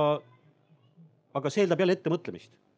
ma segaks siia vahele kohe, et sa ütlesid, et ma teen kogu aeg trenni, eks sellel ajal, kui lapsed, koolilapsed, et äh, linnakoolis äh, meie direktor ja neil on, teil on nõudmised, kui palju te peate linnale raha tagasi tooma. võib-olla see on see jutt, mida ei peaks rääkima, aga nii on, see on see number, mida direktor peab äh, täitma ja sellepärast on vaja, et need klubid seal oleks. aga meie direktor leidis kuidagi mingisuguseid vahendeid, et lükata see kellaaeg, kui klubid tulevad võimalikult hiliseks ja pärast kooli kohe, et lapsed saaksid tegeleda erinevate spordialadega. ma tahan välja öelda ka seda, et meie kõrval üle lahe on lastel kaheksa liikumistundi nädalas, kaheksa, meil on kehalisi kaks või kolm, rääkimata, et nad lähevad ise jala kooli, rääkimata, et kõik vahetunnid on nad talvel palja peaga õues uisutavad, neil on need kõik asjad. ehk siis see kaheksa tundi liikumist juba iganädalaselt esimesest klassist peale tekitabki tal selle harjumuse ja emad ütlevad hommikul nii, et su kott on seal, pane oma toidud, bussipeatus on seal, rongipeatus on seal, kui tahad, võta ratas, aga autoga me sind ei vii. et see ongi need harjumused, mis juba tulevad peast, ehk siis ta liigub juba see, see hulk, mida me tahame, ta juba liigub. Ja, ja üks väike märge lihtsalt korvpallialaselt, et klubid on jõudnud omavahel nii kaugele, alaliit ja olümpiakomitee, et nad toetavad, et laps ei peaks sõitma eh, näiteks Lasnamäelt, mis on kõige kaugem punkt eh, Tallinnas, sinna trenni, vaid ta saab oma kodukoha juures teha pikema trenni ära ja kui ta on siis nii palju parem, kui on mingid koondise kogunemised, siis ta läheb alles sinna kaugele sõitma, et võimalikult kodu lähedalt hästi palju liikuda. Mulle meeldis jah, et sa kordasid sedasama mõtet, et harjumused on need, mis tegelikult hakkavad mängima rolli, et, et iga sporti ja liikuma harjuv noor on meie ühiskonnale pa- parem ja kasulikum nii rahaliselt kui ka tuleviku mõttes, et, et terves kehas terve vaim, et see ei ole mingi lihtsalt mingi, mingi slogan on ju, või lihtsalt lause, see, see on päris tõ- tõsi, on ju, et koolides on tulnud see noh, muutus, et enam vist ei ole kehaline kasvatus, vaid on liikumistund või noh, nime nimeks, nii liikumisõpetus, ühesõnaga sport, mis oli noh, meie jaoks selline püha sport, et see on muutunud liikumiseks. et Anette, et kas see on hea või halb? kui, kui, sa said aru, mis ma praegu mõtlen? ma ei ütleks siin nüüd kindlasti seda, et kas see on hea või halb, pigem nagu võib-olla, mida mina olen näinud, on see, et viimastel aastatel on nagu kas siis õppekava uuendatud selliselt, et või, või kehalise kasvatuse õpetajad on kuidagi järele jõudnud sellele, et lapsi ka ja tegelikult ka noori minu vanuseid, mis on nagu eriti suur väljakutse kohati, et just nagu selline liikumisharjumus tekitada, et äh, ma ei, ma ei ütleks, et see, et nüüd mingi, et me nüüd ütleme, et kehalisest kasvatusest on saanud liikumine, et see on nüüd kindlasti mingisugune halb asi, aga võib-olla see näitabki rohkem nagu seda, et me oleme mingisugustest vanadest asjadest nagu liikunud uutesse nagu uute asjadeni mingite uute liikumisteni, uute harjutusteni, täpselt nagu sa enne rääkisid siin, et nagu mida tegelikult võiks nagu veel teha nendes kehalise kasvatuse tundides, et tegelikult see ei ole ju üldse halb asi, et me nimetame neid nagu teise nimega, et ma ütleksin, et selle taga on nagu olulisem see, et nagu mis muutused on võib-olla toimunud. Janne, sina oled teinud tippsporti ja teinud seda noh, päris karmide treenerite käe all ja see oli ikkagi sport, see ei olnud mingisugune tilulilu ja niisama naha soojaks ajamine. nüüd sa oled kehalise õpetaja ja sa noh, väga hea meelega suunad eh, lapsi liikuma, et, et kas sinul oli vajadus enda peas teha mingisugune krõks ka või see tuli kuidagi loomulikult? et ei pea olema ainult sport ja hüppama kaugust sentimeetrite peale ja jooksma sadat aja peale ja mul on olnud karmid treenerid, võib-olla sellepärast ka minu moto kehalise õpetajana oligi see, et äh, ma kohe alustasin teadmisega, et ja, et ma olen treener. ma olen täiskohaga treener, aga ma olen ka poole kohaga õpetaja ja sellest üle ma ei lähe. sellepärast, et äh, nautida seda protsessi ja miks mulle meeldib olla kehalise õpetaja, sest seal ma näen tulemust laste silmis kohe. perfektsionistina treeningutel ma seda kohe ei näe. et äh, ja seoses sellega ma võtsingi selle, et äh, minu tunnis peab iga laps, laps liikuma ja ma ei võtnudki seda numbreid sinna ette. kuni viienda klassini on mul, minul õpilastel on kõigil viied, et, äh, et minu jaoks ongi oluline see, et ma viin lapse nii kaugele, et ta ise pingutab maksimaalselt ja, ja, ja tahab seda teha aga, too palun näide, mida sa liikumiseks loed ja mis sinu jaoks veel liikumine ei ole, mis läheb liikumise alla kirja? no kui ta on vigastatud, et ta ei äh, jää koju, ema ei saada kirja, mul on alati vi viiekordne vestlus vanemaga, kes ütleb, et laps jääb koju, sest ta on vabastatud, sest kõik on arstid nüüd.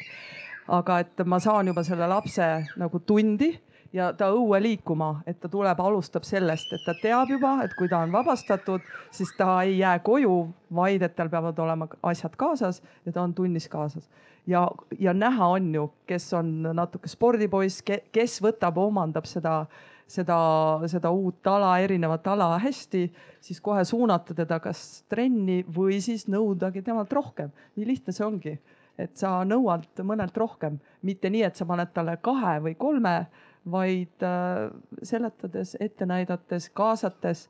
ja, ja ma hüppaks ja ütleks ära selle, et äh, mulle meeldis, et Anette ütles, et talle meeldiks ka kõiki neid alasid proovida. et äh, ma ei tea, võib-olla see olen mina, et, et ma olen spordis ja mul on hästi palju, ma võin helistada ükskõik mis spordiala treenerile. aga praegu on jõudnud ka see aeg, kus kõik need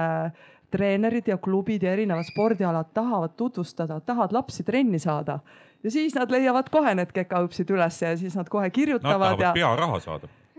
no see ei ole minu jaoks oluline, aga oluline, et äh, nad tulevad ja tutvustavad ja me saame ka minna ja siis mitte nii, et sa tuled meie juurde, vaid ma ikka trügin nende juurde ka, et me saaksime minna ja kui on kolm tundi või kaks tundi, siis äh, ma võtan nad kampa ja me lähme ja vaatame neid uusi alasid siis. ja me oleks pea, peaaegu jõudnud ka purjetamiseni, aga aga jäi kahjuks pooleli, nii et kõik on võimalik ja, ja koroonaaeg minul vähemalt küll süvendas väga palju usku nendesse lastesse, et nad töötavad iseseisvalt. mina väga suur perfektsionist ja selline, siis ma ei uskunud seda, aga see koroonaaeg tegi nii, et et nad tahtsid liikuda ja see jätkus ka edasi ja meil tekkis nagu usaldus. ma ei tea, Anett, oled sa nõus sellega? ja absoluutselt nagu minu mina läksin gümnaasiumisse siis, kui see koroonaaeg algas ja siis ma nägin, kuidas meie kehalise õpetajad tegelikult tegid nii palju tööd, et mõelda meile välja mingisuguseid lahedaid asju nagu, mida me kodus saaksime ka teha, et me saaksime arvuti tagant välja, see oli nii ülioluline. Ja just see nagu tegelikult, et meil suudeti ka siis nagu kambavaim tekitada, et a la klassidevahelised võistlused, et kes kõige rohkem samme nädalaga kokku saab või kes joonistab mingisuguse liikumisäpiga kuskile põllu peale kõige lahedama pildi nagu enda kõndimistrajektoorist või kuidagi niimoodi, et need kõik sellised asjad on nii-nii olulised ja mina nagu ütlen siin hetkel kaheksateistaastasena, et tegelikult mulle nagu siiamaani meeldib selline asi, et äh, see ei ole nagu see, et ainult väikestel lastel on niimoodi lõbus, vaid tegelikult see motiveerib ka nagu minuvanuseid noori nagu liikuma arvuti tagant välja. aga kas sulle pendelteatejooksu meeldib teha, kas sul köiel ronida meeldib?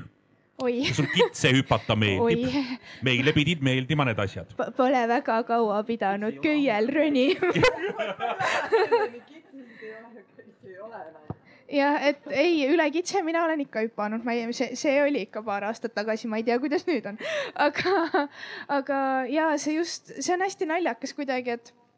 täpselt mingisugused, kui sa ütlesid veel nagu aasta aega tagasi mu klassiõdedele, et täna me harjutame poomikava siis tulid nagu kohe nagu, kui see saadi paar tundi enne kehalise tundi teada, et täna me teeme seda või me hakkame nagu lihtsalt statka peal nagu viit kilomeetrit jooksma, siis tulid nagu hästi-hästi kiiresti emadelt need kirjad, et oi-oi-oi, kuidas täna põlv valutab. aga samas, kui nagu tuli see, et kuulge, et me oleme pannud teiste kehalise kasvatuse õpetajatega terve nagu üle Mustamäe erinevad punktid ja meil on teile kaart ja lähte orienteeruma. see oli tegelikult see nagu nii nagu ma nägin, kuidas nagu klassiõdedel oli sära silmades. et see kuidagi, ma ei, ma ei tea, miks. see on üle kitse hüppamine on tüütu aga kuidagi on jah, tahtsid sa Kristjan öelda? ma tahtsin jah seda öelda, mul meenus kohe, kui Äh, siit kahelt poolt, ühelt poolt räägiti üle kitse hüppamisest ja teiselt poolt laste motiveerimisest kehalise kasvatuse õpetajana, siis oma lapsepõlvest, kus oli kehalise kasvatuse õpetaja, kes ütles, et, et äh, poisid, et kas rööbast puud või üle kitse hüppamine, et, et mul see täiesti ükskõik, kuidas teil see välja tuleb, aga tulge tõmmake lõuga. ja, ja ta kuidagi motiveeris nii ära, et, et me kolm poissi hakkasime käima iga õhtu jooksmas. vabatahtlikult et äh, ja ma arvan, üks mingi aasta jagu käisime, et, et noh, et, et see, see on nagu äge noh. Vello. jah, see kitse jutt on kogu aeg praegu nüüd, kus see on nimetus muutumas, on, on hästi üles tõusnud, et tegelikult äh, mina olen nagu ajaloolane hariduselt, et see pigem on nagu ajaloomälu teema, sest äh, mis asi on kits meie koolis ei ole seda, ei ole neid kõiki muid selliseid hirmsaid asju, et tegelikult on kehaline ammu juba ära muutnud, kogu see liikumisõpetuse teema on ju nii pikka aega käinud kehalised tunnid pole ammu enam sellised, praegu muutub ainult nimetus. loomulikult see võib olla natuke ebaühtlane, et aga, aga tegelikult on muutus juba toimunud. just äsja kuulsime ju täiesti teistsugust kehalise tundi siin. ei ole nii, et nüüd nimetus muutub, hakkab midagi teistmoodi minema, see kõik on juba toimunud. nimetus on viimane, mis tuleb järgi. Ja, ja, ja see kehaline ei ole selline koolides, nii nagu nüüd mälestuses siin oma kooliajast mäletatakse, et see on, positiivne areng on juba jõudnud lõpusirgele, see nimetuse muutmine on selle lõpusirge finiš tegelikult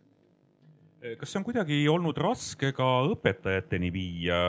kellest ikkagi noh, mingi osa tuleb sellest vanast koolist, kui kehaline oli kehaline ja nüüd on siis liikumine teistsuguste nõudmistega, teistsuguste vajadustega laste poolt ja teistsuguste võimalustega? kehalised õpetajad on, noh, siin on parem vastaja kõrval, aga see on aastaid kestnud äh, vaidlus, sisemised eriparteid äh, Äh, aga kuna see ei ole nüüd haamriga pähe ja sa ei pea homme teistmoodi tegema, vaid see on kestnud aastaid, siis see on andnud ka paindlikult võimalus inimestel muutuda, ka need, kes alguses nagu vastu olid, et äh, see on olnud aeglane protsess ja, ja sellega ongi ka osa inimesi paindunud, kes esialgu vastu olid. aga noh, võib-olla parem vastaja on siin kõrval, et kes on ise selle protsessi sees. aga, aga selle käigus on muutused toimunud juba, kes liikus kiiremini, kes aeglasemalt, aga sellist vägisi murdmist tänu sellele ajalisele distantsile, et vist ei, päris ei ole toimunud, aga, aga vasta, äkki on mõni katki murtud selle vältel? ütleme nii, et see, et esimene kuni kolmas klass ei ole, ei panda hindeid, on minu jaoks ikkagist väga raske. see kujundav hindamine, selgitada, kui laps küsib, kuidas mul läks, et äh, mis hinde ma sain, siis ma ei oskagi nagu öelda, sa ei, sa ja siis sa pead vahest kirjutama, ma ei tea, kümme, kaksteist erinevat omadust, mida ta siis nagu oskab või ei tee, et see on, see on kohutavalt raske ja teate, kui palju see aega võtab. et selleks, et tundi ette valmistada ja siis pärast kirjutada neid kujundavaid hindamist, kui tahaks tegelikult otse öelda, et hinne kaks, vabandage, et äh, liikumisharjumused, rääkimata, et ei suuda oma lapsele äh, asju kaasa panna, te te toote ta nii, et ta jääb igal hommikul kehalise või nagu igal hommikul jääb tundi hiljaks. Need on kõik harjumused ja, ja ma olen äh, ära lõpetanud ammu juba laste karistamise, vaid kirjutan vanemale otse, et laps ei ole ju süüdi, et ta jääb hiljaks. esimese-teise klassi laps, et äh, see on ikkagist, kodust tuleb need, need äh, harjumused, nii et minu puhul jah, minust see sportlase pisik on nii suur, et et selleks, et laps aru saab, et ta peab veel pingutama, on tal vaja ikkagist äh, ma ei tea, ma ei saa ju, ega neid vanemaid on ju palju, kuidas ma kirjutan, et teie laps ei jõua joosta teiega koos, no ma ei saa elus niimoodi välja kirjutada, eks, et aga kas siis see on veel üks pool, mida neil tasuks siis edasi mõelda. mind see nagu ei sega, et ma võin see, ma kahteteist ei pane, ma panen kaks-kolm iseloomustavat lauset, aga põhimõte on selline, et miks ma pean rääkima seda asja ilusamaks, kui saaks konkreetsemalt seda teha. nii et see hindamissüsteem võiks ka kuidagi, kas siis täiesti ära jääda ja ise õpetaja siis motiveerib ja, ja ma ei tea, kleepekaid päris panema ei hakka, aga, aga äge, kui see laps saab selle asja selgeks ja läheb koju, ütleb ka, et ma nüüd oskan eh, surfilaual, ma tean juba, kuidas seda käes hoida, ma tean, et seal on erinevad riided. kui ta juba seda räägib, siis minu arust on hinne viis juba Äh, mul on kaks last kodus ja, ja ma väga hästi saan aru, mis äh, sa räägid. Äh, ja ma tahaks nagu lisada, et, et see, see algab tegelikult kodust, lapsevanemate eeskujudest. Ehk et noh, kui lapsevanemad räägivad kodus, et jooksmine on nõme ja, ja, ja kirjutavad neid vabandusi, et see laps ei peaks sinna kehalise kasvatuse tundi minema siis noh, see algab sellest kodusest kasvatusest, et et tihti lapsed ise on rikkumata, neile tegelikult meeldiks joosta. Neil on äge joosta, aga kui nad ei ole seda proovinud või ei tee seda, noh siis nad ei teagi seda, et, et sama näide, et, et äh, suusatundi sõita bussiga nelikümmend viis minutit, noh need suuskade otsas midagi teiste vahel trügides. et, et see tavaliselt probleem on nendes lapsevanemates, et ah, appi, kuidas mu laps saab ja see on õudne. küsid laste käest, et jumala äge oli, käisime poistega, sõitsime bussiga, tulime tagasi. noh, jah, äge, näiteks meie lapsed käivad Gustav Adolfi gümnaasiumis ja seal paar aastat tagasi pandi sisse selline, äh, et löödi päev pooleks, õuevahetund, iga ilmaga tund aega. Nad lähevad keset päeva välja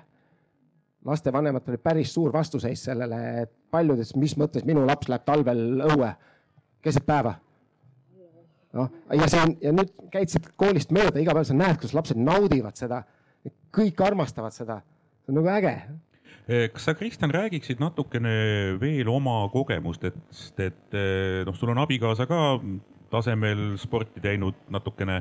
Ehk siis teil on suhteliselt eh, hea spordipere, mis tähendab, et eeskujud on nagu, nagu võtta, et, et kas sinu lapsed teevad kõike hea meelega või kust tulevad sinul need raskused, kui nad midagi teha ei taha, et millest need tulevad? üks laps on seal et ei tee alati hea meelega. abikaasa on seal. ja abikaasa on seal, ei tee, loomulikult ei tee hea meelega, aga, aga tead, kui äge on, kui see laps pärast, kui ma olen ta jooksma minna, ta ei taha.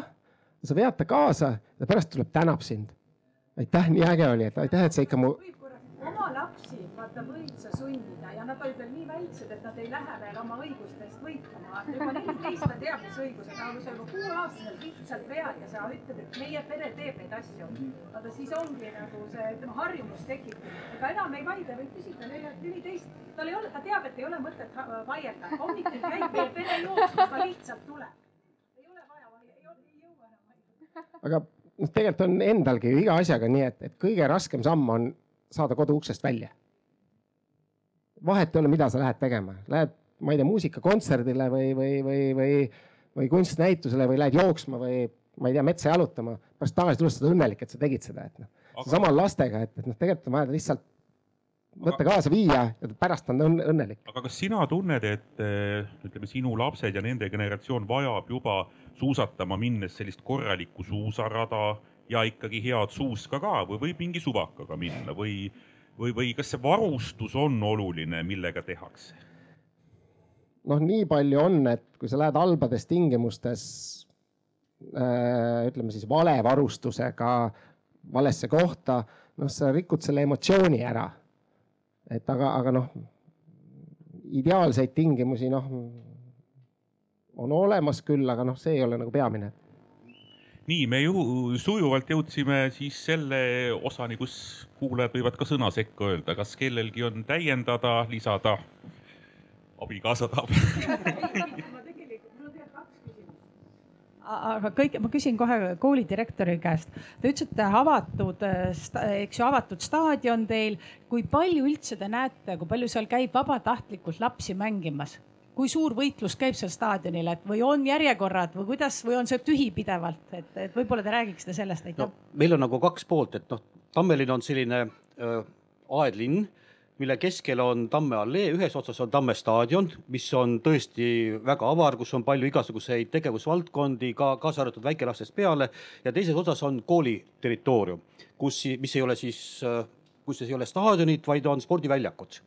ja, ja elu käib siis pikki alleed, mille kahes otsas on siis sellised kaks territooriumit. ja, ja tegelikult Tamme linna noored kuna nüüd Tamme staadioni ala on tõeliselt suur ja, ja seal on hästi palju erinevaid tegevusvaldkondi, siis nad õhtuti elavadki seal. loomulikult koolidirektor tähendab see seda, et kui õhtul staadionil midagi juhtub, läksid poisid tülli, siis järgmisel päeval kooli koridoris hakkab nagu see, see lahendamine, eks ju. paljud need juhtumid, mis on, et kus on algus, on just eh, noh, sellistes kooselu eh, õhtustes seltskondades, mis käivad just staadionil, et see on võib-olla natuke erandlik Eesti mõistes, aga, aga tõesti Tamme linna lapsed liiguvad ja, ja eh, kõige tähtsam, miks ma enne rõhutasin peret, et me üritame saada neid peretegevusi, et pered käivad tervikuna ja, ja ma olen, ei ole midagi rõõmsamat, kui ma vaatan kooli aknast välja ja näen, et pere on siis, nagu ma enne ütlesin, siis mängib lauatennist, viskab seal korvi isa ja poeg või, või ema ja tütar ja et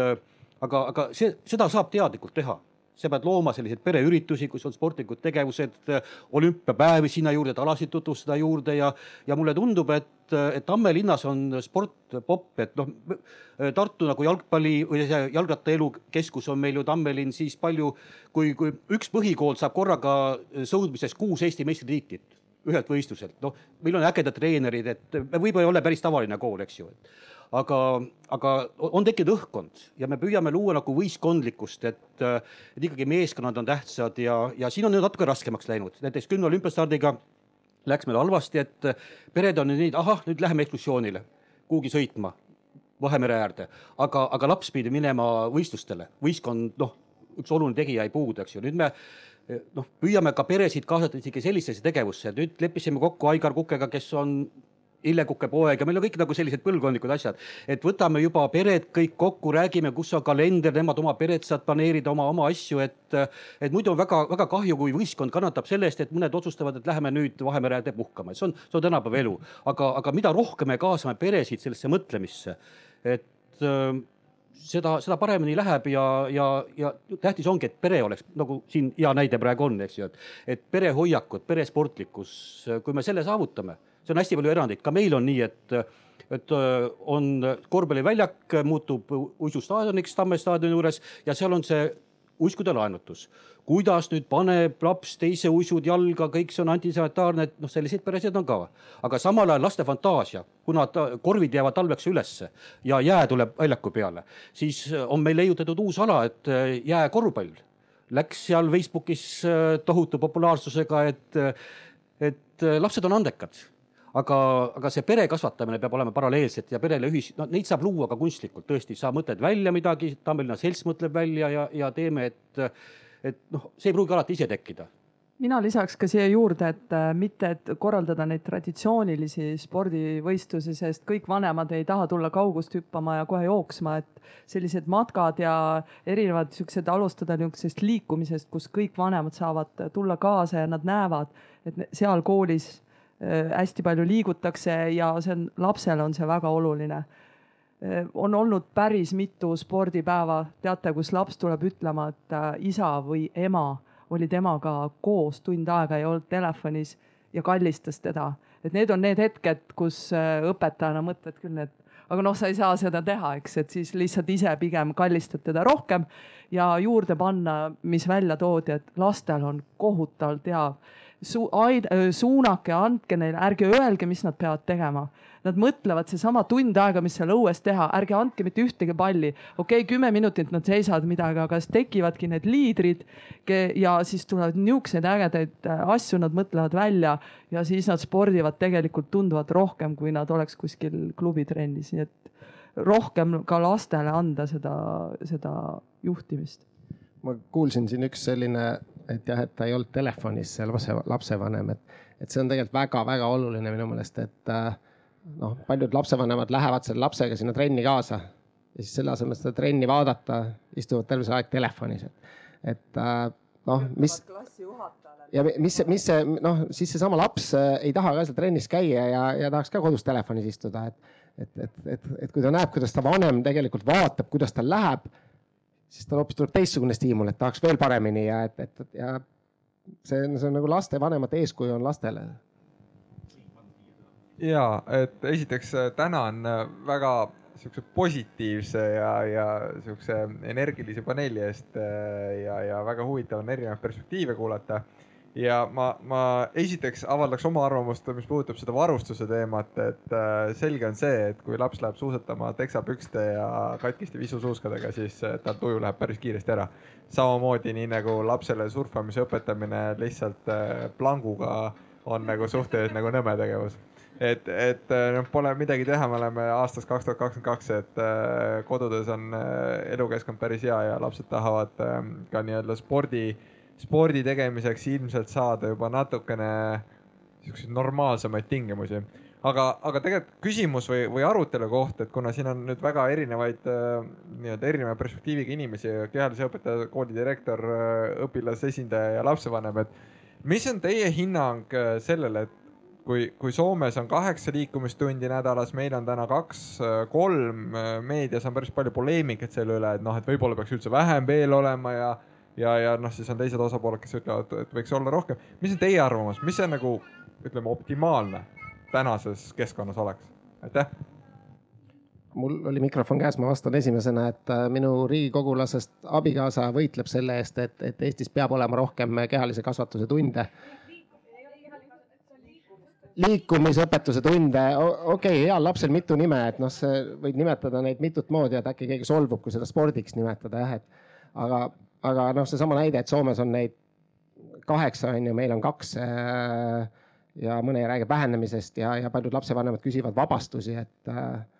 et ma võtan lühidalt selle kokku, et terves kehas terve vaim, et äh, mina küll usun seda, et, et, et kõik õppimistulemused lähevad paremaks, kui ka lapsed rohkem ennast liigutavad, teevad sporti, noh, see, see ei pea olema tippsport on ju Eh, ma enne ühe kü- küsimuse Anetele küsiks, et Jaa. Eh, noh, minu generatsioon jällegi, lubasin, et ei meenuta, aga näe, meenutame jälle. et, et meenutab ühtlasi ka väga niisuguse sooja tundega neid hetki, kui ise sai spordiväljakut kas korrastatud või ehitatud või midagi tehtud. ma siia mälet-, siiamaani mäletan noh, tõesti ägedat asja, kui ka sai hokiväljakut valatud et, et kuidas sulle tundub siin oma põlvkonna esindajana üldistades veetlevalt, et, et kas, kas sinu generatsioon juba nagu tahab saada rohkem valmis kaupa või on valmis ka võtma kätte ja et teeme ära? ei, ma ei ütleks kindlasti, et seda valmiskaupa on nüüd vaja, et tegelikult nii minu põhikooli ajast kui ka sellest ajast, kui ma olin Mustamäel gümnaasiumis, ma nägin hästi seda, et noh, ühelt poolt nagu oli põhikoolis üliäge talguid nagu talgu korras käia, samamoodi sõprade ja sõprade vanematega kõik koos nagu ja noh tehagi mitu päeva nagu tööd ja seesama kambavaim oli sealjuures, aga teiselt poolt jälle minu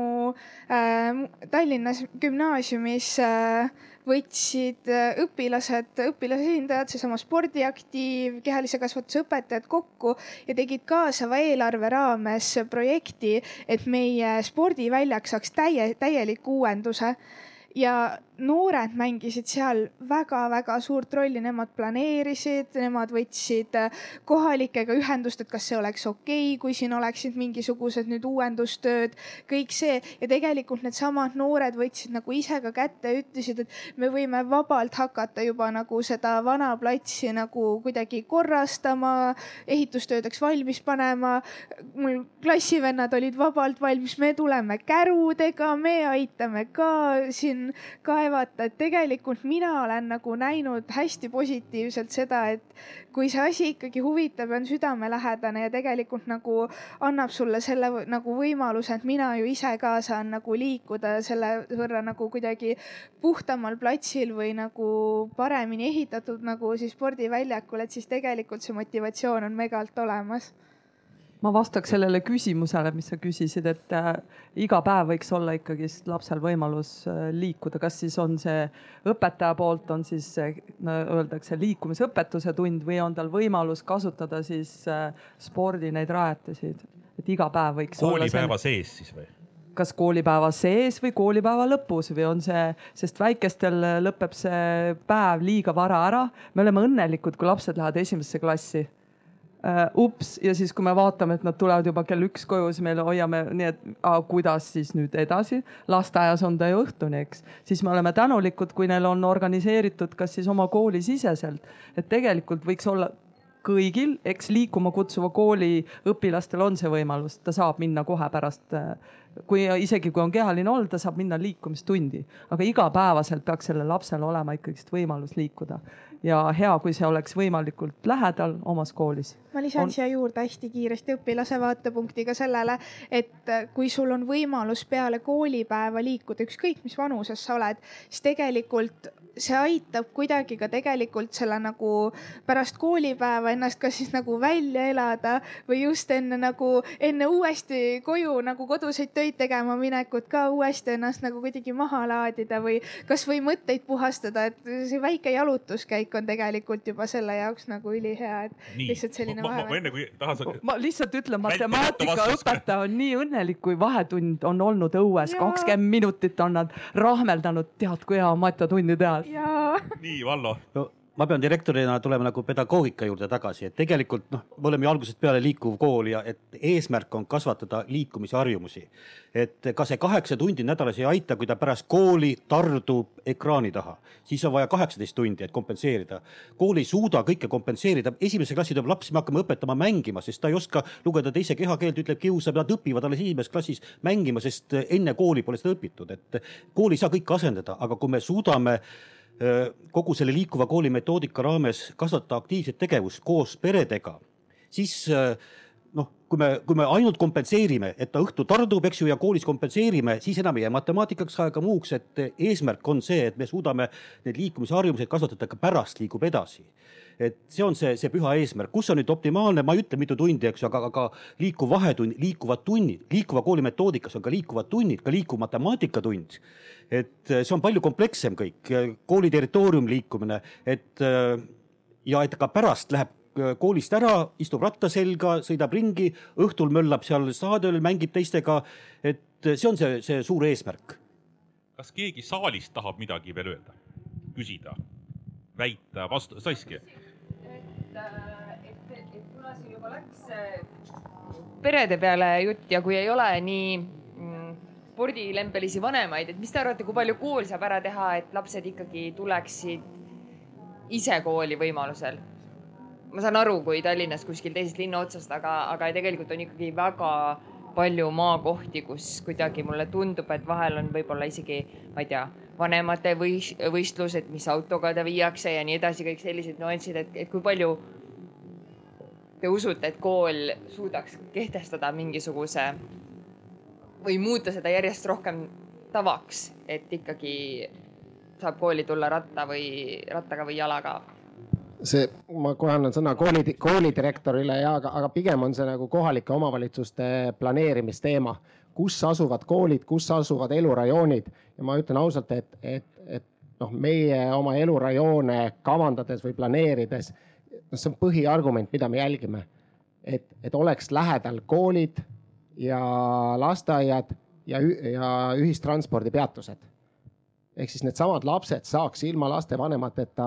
liikuda kooli jala või jalgrattaga ja sõita ka pärast bussiga vaja trenni kuskile teise linna otsa. ja, ja uskuge mind, see on nagu iga eduka kinnisvaraarenduse võti, kui see on nagu noh, läbimõeldult niimoodi toimima saab. et see, et lapsed, vanemad tahaks neid kuidagi autoga tuua, ei ole, ei ole tõsi, nad pigem tahavad minu arust see ühiskond on meil arenenud nagu selles mõttes hästi, et võib-olla kunagi oli nii, aga, aga täna nagu inimesed kolivad päriselt kuskilt kesklinnast, ägedast kohast ära äärelinna selleks, et nende lastel oleks parem elukeskkond, et lapsed saaks käia jalgrattaga koolis. et äh, see on nagu positiivne ja ma lihtsalt ühe vahekommentina tahaks öelda, ma, ma ei teadnud teie koolist midagi, aga mul on nagu nii siiralt tahaks öelda kiidusõnad, et on selline koolidirektor, kes on nagu nii ägeda asjad ära teinud meil on äh, ka ägedad vilistlased, et äh, Neinar Selid, äh, Aavo Pikkusid ja nii edasi, eks ju. ja see on tohutu pikk rivi, et põlvkonnad tulevad. ja siis tekib nagu, aga kui me räägime nüüd sellest planeerimisest, et selles ongi kõik kinni. linnaruum tuleb planeerida nii, et tekivad sellised kogukonna loomise võimalused. et kõige aluseks on ikkagi selline ühistunne, ühine koolikogukond ja see kogukond peab olema ka linnaruumis tunnetatav, et tõesti see jalgrattatee ja, ja käigutee, et et kõik see peredega koostöö, see eeldab ikkagi toimivat kogukonda ja linnaruum peab olema vastavalt planeeritud ja koolivõrk, et noh, loomulikult kus on mingi korrusmaade rajoon, on kõik, kõik palju raskem, aga, aga tuleviku jaoks, vot siin on arendajad kõrval, et peaksime juba teadlikult mõtlema, et me planeerime eh, neid elamurajoone nii, et seal on võimalik tekitada kogukondi. aga see on ikkagi siis jutt ja, ja võimalus meil äärelinnas ja seal, kus koolid on ja mingid platsid on olemas, sest kesklinn Tallinnas, noh, südalinnast rääkimata, see on ju noh, ebareaalne vist või, või Kristjan annab kuhugi midagi teha? ei, minu meelest just ma enne mainisin, et tegelikult on noh, Vene ajal mitukümmend aastat tagasi oli Tallinna kesklinn või mõni muu linn, olid linna keskel, olid jalgpalliväljakud, korvpalliväljakud, mingid muud väljakud, vahepeal ära mädanenud. aga need asukohad on minu arust alles, see on kohaliku omavalitsuse noh, siis ma arvan, nagu eesmärk võiks olla need panna nagu jälle tööle ja ehitada välja, ma ei tea, kaasata sinna riik äh, ettevõtjad. kas, kas see on keeruline säilitada seda selliseks äh, spordi tegemiseks ja ühiskasutuseks, mitte anda kellelegi, kes ütleb, et teeme üheksa korrust ja, ja, ja kõik on väga hästi. no siin peaks küll jah, see on halb linna planeerimine, kui, kui ütleme, mingi elurajooni keskel on üks suur plats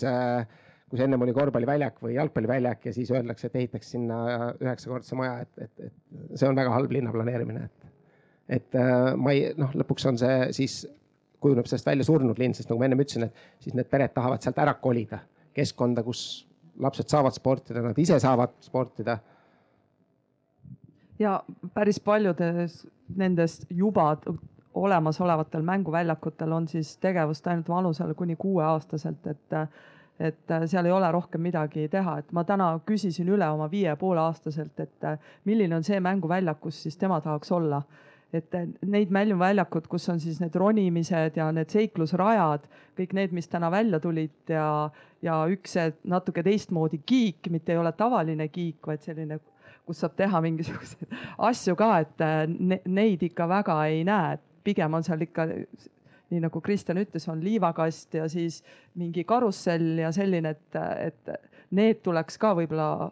üle vaadata, aga tuleks siia juurde ikkagist meie selle põhiteema juurde see kooli või need hoovid, eks. et ma tean, et nüüd, kui suvi hakkas, siis ma väga tahaks teada, et need koolid, kes siis tegid suveks oma uksed lahti, need olid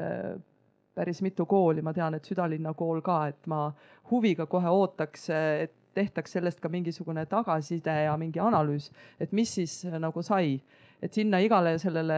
lahti jäetud hoovile siis jäeti ka valvaja, kes käis kogu aeg valvama, et tahaks siis nagu kohe teada, et mis see kokkuvõttes siis oli, et, et kui palju neid kulusid siis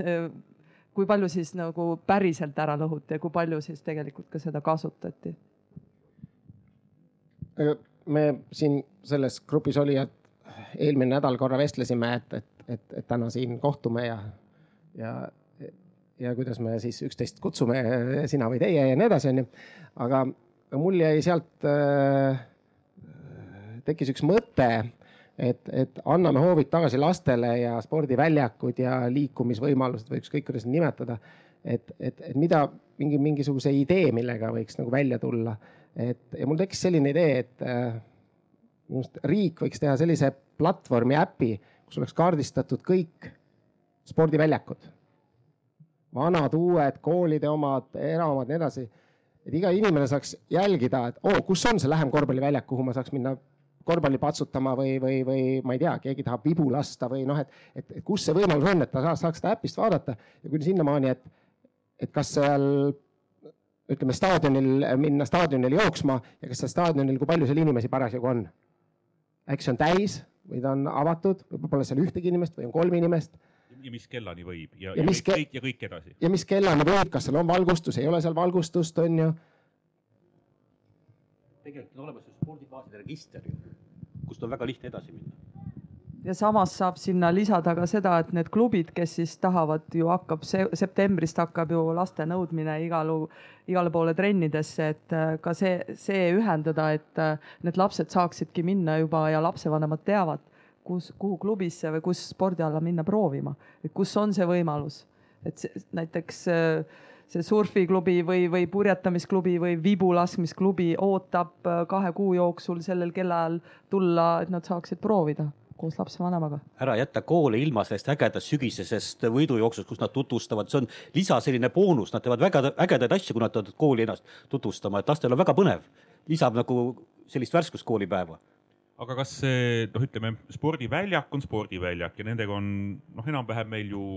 noh, niivõrd-kuivõrd korras, aga ütleme, meil on Mustamäe ja Lasnamäe ja Õismäe, kus on majade vahel suured alad, kus noh, on natuke muru ja natuke sodi ja natuke kivi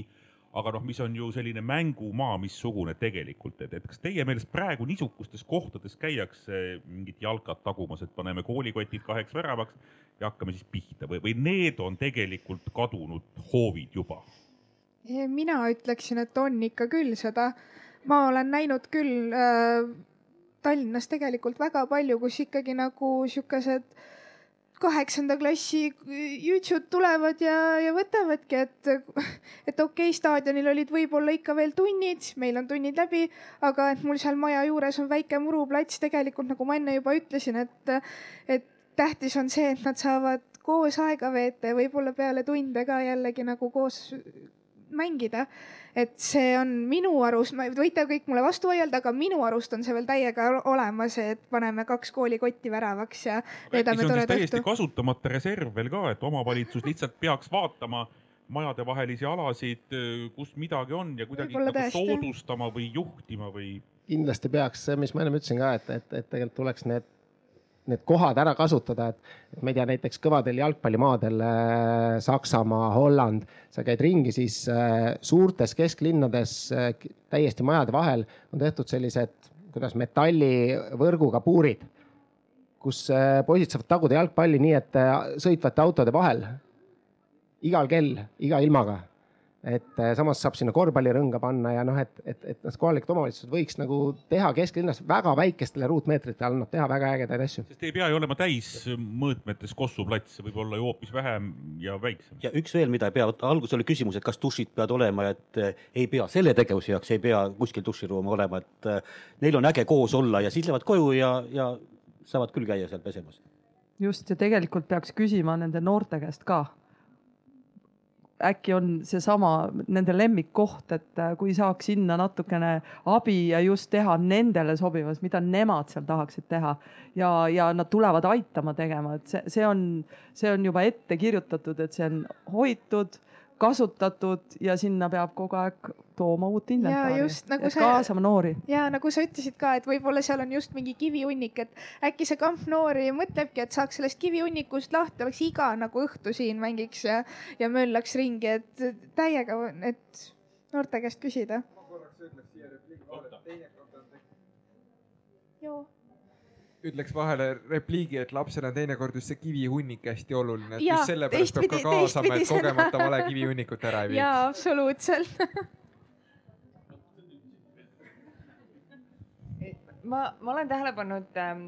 Tallinna kesklinnas on selline, seal on kahe suure ela äh,, elumaja vahel on sihuke mingi kümme korda kakskümmend umbes plats. seal on vist väike liivakast ja kiik ja, ja kohe seal kõrval on äh, muruplats seal on veel autotee ääres on põõsad, et üsna ohutu, aga ma ei ole kunagi näinud mitte ühtegi last sealt hoovist välja tulemas sinna muruplatsi peale. ma olen alati mõelnud, et miks? vanemate eeskuju, ma ku, mõtlesin täpselt sama, mis sa just ütlesid ka, et, et äh, võta oma väike laps kaasa mine pane sinna kaks, ma ei tea, koolikotti ja, ja löö selle oma lapsega seal jalgpalli ja siis hakkavad kõik seal käima, see on nagu eeskuju ja, ja ma olen nõus, ma olen ka oma lastega annad, ma ei tea, kaks käbi juba korjad ja siis on käbimäng on neljaks tunniks, aga, aga jah. jah, mu küsimuse mõte oligi see, et kuida-, kuida-, kuidas siis nagu, mis, mis me aga, teha aga, saame? aga, aga, aga kohe siit ma, ma mõtlen siit kohe edasi, et tegelikult noh, kohalikul omavalitsusel jälle, sa ütled, seal on mingi koht, võiks viia sinna kasvõi ühe, ühe jalkavärava. see ei maksa üldse palju midagi. ja need kõik lapsed näeks, oo, jalkavärav, kuule, lähme sellepärast taguma sinna seda. et äh, jah, tihtipeale ei mõeldagi, et tegelikult see võimalus on ju olemas seal kuskil, et kogu aeg näed seda muruplatsi, aga siis üks hetk nagu piisab ainult sellest, et keegi ütleks, et kuule, sa saad mängida seal, noh. ma muidugi olen, noh, see peab olema ka nagu, kindlasti on noh, seal sada elanikku ja siis ühele elanikule ei meeldi, et lapsed seal jalgpalli mängivad, onju, aga noh, me peaks Väga, nagu olema tugevamakäelised ja, ja tegema otsuseid tihti noh, niimoodi üldsuse huvides. Ma küsiks siit äh, vahepealt äh, ka juurde, et, et me siin oleme hästi palju rääkinud ja me oleme tegelikult äh, hoovide puhul jäänud kinni sellistesse traditsioonilistesse asjadesse, me oleme rääkinud jooksmisest, me oleme rääkinud palli mängimisest, kas siis korvi viskamisest või jalaga löömisest ja kõigest muust mm,. meil on siin õnneks ka üks noor inimene pundis, kes suudab natukene peegeldada aga tegelikult me peaksime mõtlema võib-olla ka veel nooremate inimeste poole, ehk siis mida nemad täna nagu tahavad teha, ehk siis nad elavad maailmas, kus äh, salvestamine, jagamine, kõik see on hästi oluline. Ja jagatakse seda, mis on äge. ja nüüd ongi nagu küsimus tegelikult äh, nii koolide poole peale kui ka Kristjanile kinnisvaraarendajana. Palju te nagu jälgite neid maailma trende, mis üldse nagu noored tänasel päeval maailmas teevad, mis neid nagu kõnetavad? Näiteks ma ei tea, mingid parkuuriseinad, skateparke ja kõiki selliseid asju meil on, ehk et äh, traditsiooniline sport liikumise vormis on kindlasti must have, aga tegelikult võib-olla neid noori, nagu siit läbi tuli, paneb liikuma hoopis miski muu, mingid uued trendid, mingid uued äh, asjad jah, see oli selles mõttes praegu selle siin kuidagi ära unustanud, me rääkisime üldiselt, aga noh, näiteks mis siin endal oli just uue suurema elurajooni spordiväljakute kontseptsiooni väljatöötamise niisugune brainstorming, kus noh, noh väikeste liivaga, siis see on lihtne. Kuidas, mida me peame tegema, et neljateist, viieteist, kuueteist aastased äh, saada õue, mis neile huvi pakuks? Ja noh, seal tulebki mõelda niimoodi loovalt, käia maailmas ringi kuni sinnamaani, et noh, teha küsitlusi äh,, ma ei tea, keskkoolide, ülikoolide tasemel, et, et äh, ei ole kuidagi limiteeritud, et, et see peaks olema jalgpall või korvpall, et äh, ma, ma lõpuni täna ei tea, mis äh,, mis see asi olema saab, aga noh, võin tuua näite, et, et me hakkasime tegema välijõusaale ja selleks, et äh, Äh, nii-öelda noori sinna saada. Äh, palkasime esimeseks sügiseks äh, treenerid, kes hakkasid kaks korda nädalas seal nii-öelda tunde andma, et need inimesed, kes seal elavad, et näeks, mida seal teha annab. Ja teate, kui äge on käia, kui sa näed, et, et tegelikult noored saavad ise pärast kokku ja nüüd teevad ise neid samasid treeninguid seal. või siis näiteks praegu me arutasime, et, et teha joogaala, täitsa nagu jabur asi on ju kui sa sõidad Tallinnas Reidi teed mööda hommikuti, sa näed, inimesed teevad seal, üks treener hakkas seal korraldama tunde ja vabatahtlikud inimesed kogunevad sinna kõik sinnasse tundi ja see on nii populaarne. et noh, et, et tulebki mõelda selliseid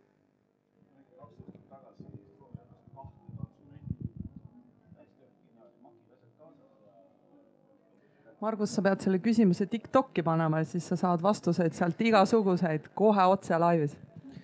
Meil oli küsitlus, ma enne rääkisin, et noh, tegime nagu eri sihtrühmades küsitlusi ja päris kõrgel kohal oli madal seiklusrada noortel ja, ja ka noh, kõiki muid, kus saab trikke teha ja, ja need kohad, siis tasakaaluköied meil ka, ka on, aga noh, seal tehakse igasuguseid asju, et ka see eeldab ikkagi, meil on head partnerid, on vennad Vahesaared, kes teevad neid ringe ja asju, et eh, see tahab ka harjutamist, see nõuab ka tahtekindlust, eks ju. aga noh, niisama sealt sillimiseks ja midagi proovimiseks noh, käivad ka, aga tegelikult, et äh, kasutegur suurem oleks, peab neile ka kaasnema ka mingi ring, kus sa õpid. Äh, ma tegelikult küsikski õpilaselt, et äh, kas, kas sa kas sulle tundub ka nii, nagu mina seda näen, et eh, tänapäeval noortel on eh, lihtsalt loovust nii vähe, võin tuua näite kasvõi see, et tüdruk oli mul väljas, tal oli igav, ta ütles, tal pole midagi teha, ma ütlesin, näe võilill, võtsin võilille, et sa näed, paned tiku otsa, näed, et selle juhuks, et oi kui tore, et me peame nagu kõik asjad ette näitama, et te ise nagu enam ei oska mõelda või taha mõelda, sellepärast et kõik info on telefonis ja telefon on kõige kallim ja see, mis väljaspool telefoni on, et ei suuda midagi mõelda, kas, ega ma ei solvanud, ma lihtsalt ja, nagu viskasin ja, ja, selle ja, niimoodi plauti. muidugi, muidugi. mul ja mul tuli sellega kohe meelde lugu, kuidas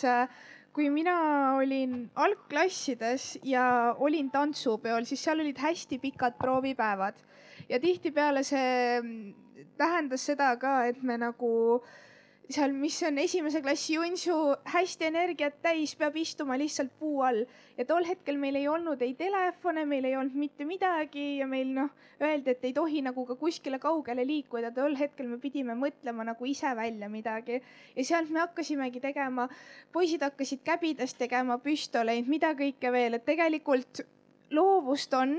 Võib-olla lihtsalt on jäänud tunne, et see kuidagi vanusega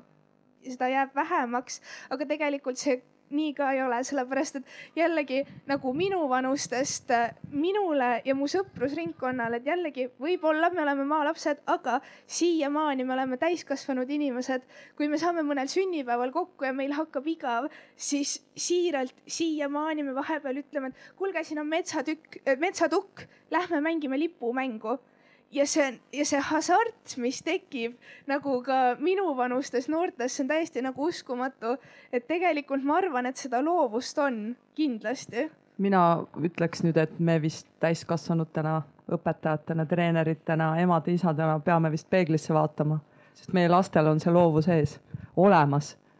me alustame selle tapmist siis koolis juba sundides neid mitte hüppama, mitte jooksma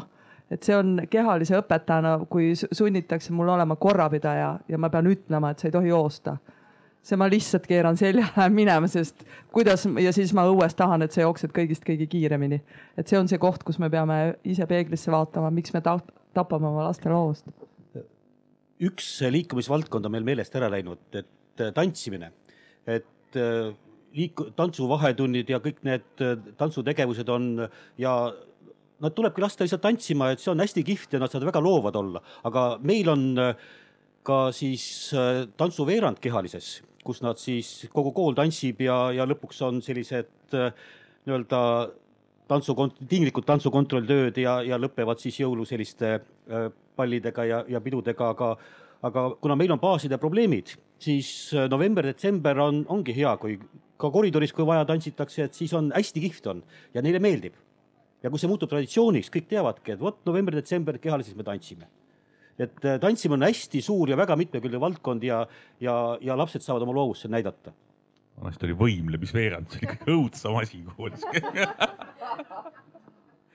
nii, kas keegi tahab öelda positiivsed lõpusõnad, sest kell meil on käinud nii palju, et tuleks öelda. ütle sina midagi, anna meile lootust. oi, ei nagu ma arvan, et tegelikult see minu viimane sõnavõtt ka siin kõlama jäi, siis tegelikult meie noortes ei ole kustunud see, et me mingi tahe sporti teha või loovus, et tegelikult see kõik on olemas ja ma arvan, et ei tasu meie generatsiooni maha matta ei mata, aitäh. selge see